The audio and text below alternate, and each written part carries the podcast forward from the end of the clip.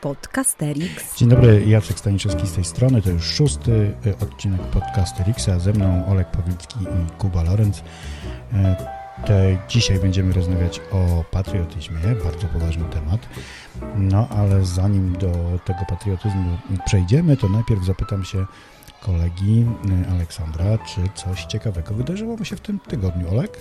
Mnóstwo, mnóstwo rzeczy ciekawych, ale Chcę powiedzieć o jednej rzeczy, która jest nie dość, że ciekawa, to jeszcze bardzo budująca, a jak wiadomo, historycy lubią opowiadać budujące historie, prawda? W związku z tym moja budująca historia jest o tym, jak podsumowywaliśmy semestr y, y, z moimi uczniami w klasie pierwszej y, i zaczęliśmy od tego, że zrobiliśmy sobie taką ankietę z pytaniami zamkniętymi i otwartymi dotyczącą tego, jak się nam uczyło, jak pracowały kryteria, a jak sobie radziliśmy z pytaniami przewodnimi, a jak się sprawdzała praca w grupach, a co sądzą o zadaniach. No, dużo tam było rozmaitych e, ważnych pytań. Nie za dużo, ale tak akurat. Potem wspólnie to przejrzeliśmy. To było samo w sobie bardzo pouczające, bo e, bardzo dobrze wtedy na przykład zobaczyliśmy, jak ważne jest, żeby pytaniom ilościowym towarzyszyły jakościowe, bo bez tych jakościowych mamy pewien kłopot z rozumieniem tego, co w takim badaniu e, widać.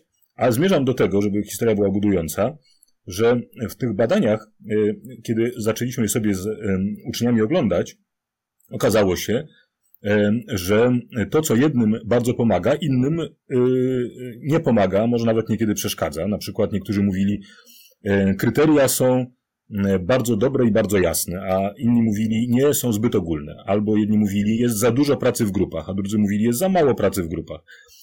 I było jeszcze parę takich rzeczy i e, uczniowie podzielili się na grupy, owszem, i sporządzili e, w oparciu o te badania rekomendacje, e, co mamy w drugim semestrze do poprawienia, jak będziemy pracować, co zmieniamy, co zostawiamy, co wzmacniamy.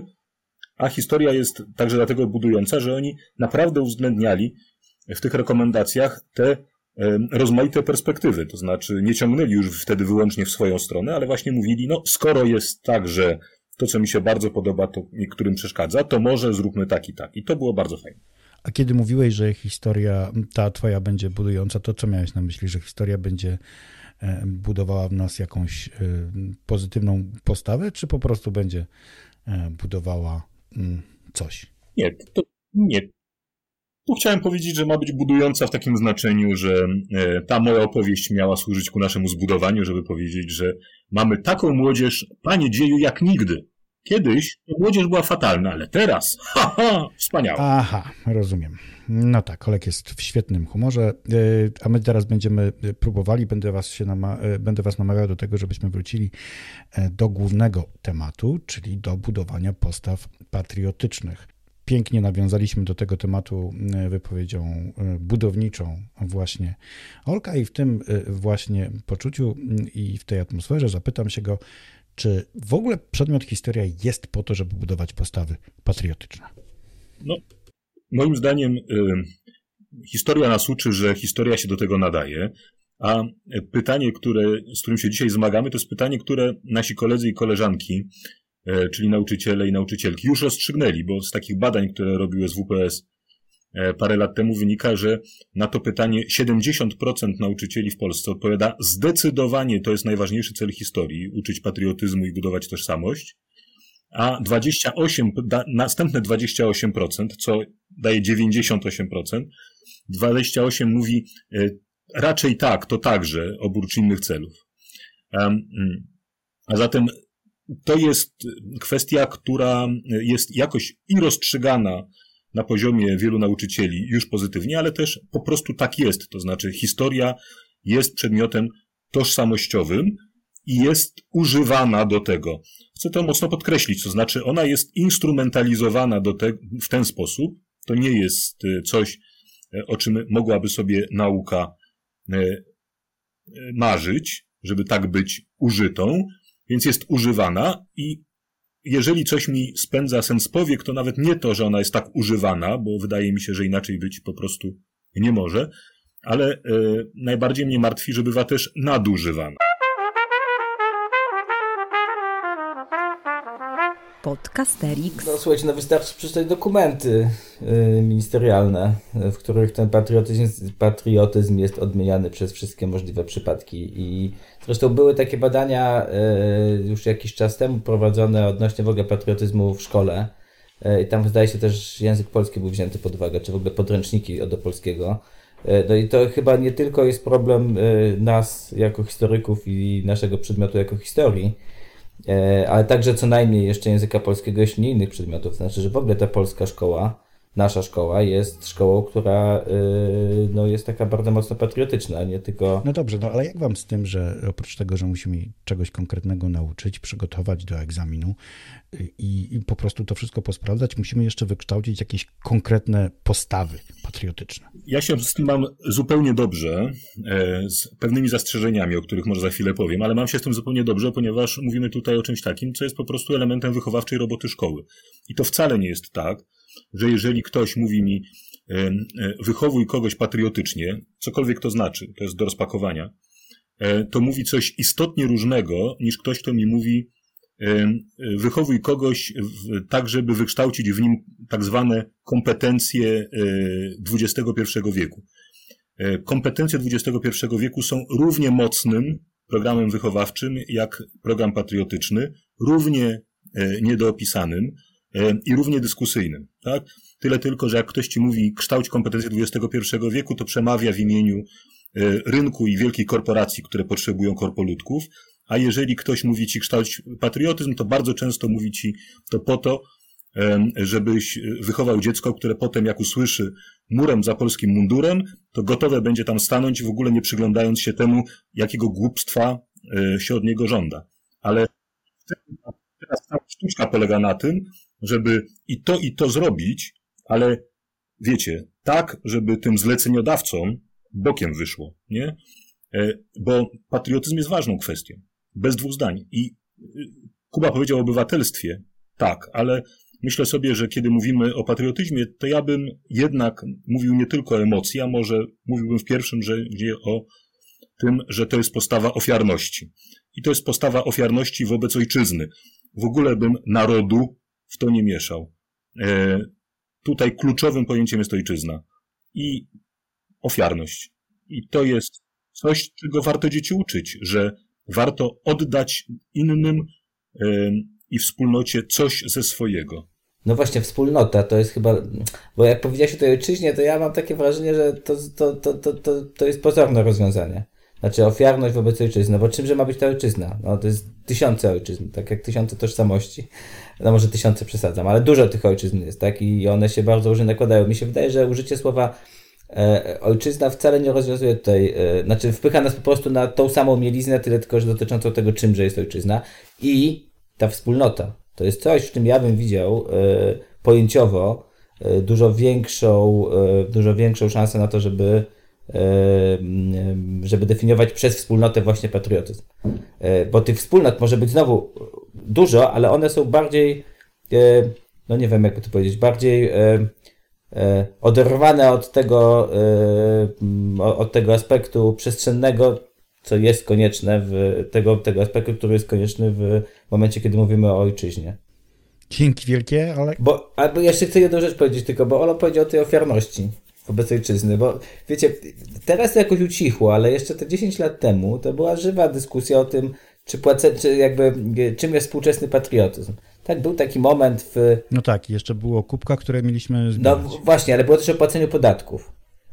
I w kontekście tej ofiarności to jakoś tak mi się skojarzyło jeszcze w kontekście polskiego ładu. No dobrze, ale to zobacz, to to, co teraz powiedziałeś, to jest właśnie pra, jedno z praźródeł tego, e, z czym się teraz musimy zmagać. To znaczy e, to, że tam, gdzie my powinniśmy mieć gorącą, ważną, ciekawą narrację, pokazującą nam krytycznie rozmaite warianty tożsamości, e, ludzi żyjących tu i teraz czy kiedyś w Polsce, zamiast tego opowiadaliśmy zimną narrację o psich kubkach, podatkach i I kiedy brakuje tej gorącej, y, gorącej narracji, ale mądrej, gorącej narracji, to pojawiają się sprzedawcy nacjonalizmu. Czyli jednak emocje. czyli jednak emocje. Podcasterix. Ja bym chciał, żeby, i potem jakoś to zostanie na pewno pocięte, ale chciałbym, żeby jednak Jacek powiedział e, o kształtowaniu patriotyzmu ze swojej malborskiej perspektywy, ponieważ w tych badaniach SWPS-u jest te 2% nauczycieli, którzy nie zgadzają się na takie po prostu tożsamościowe traktowanie historii wyłącznie, to są głównie, wyobraźcie sobie, nauczyciele ze Śląska. Czyli to są regionaliści. To są regionaliści. Ja wiem, że Malbork nie jest na Śląsku. Natomiast chcę powiedzieć, że to są ludzie, którzy mają silną tożsamość regionalną i e, moim zdaniem e, e, ci, którzy mają tożsamość regionalną, oni też potrafią znaleźć bardzo dobry balans, jeżeli chodzi o to, jak kształtować patriotyzm i dlatego moim zdaniem warto byłoby Krzyżakowi dać głos.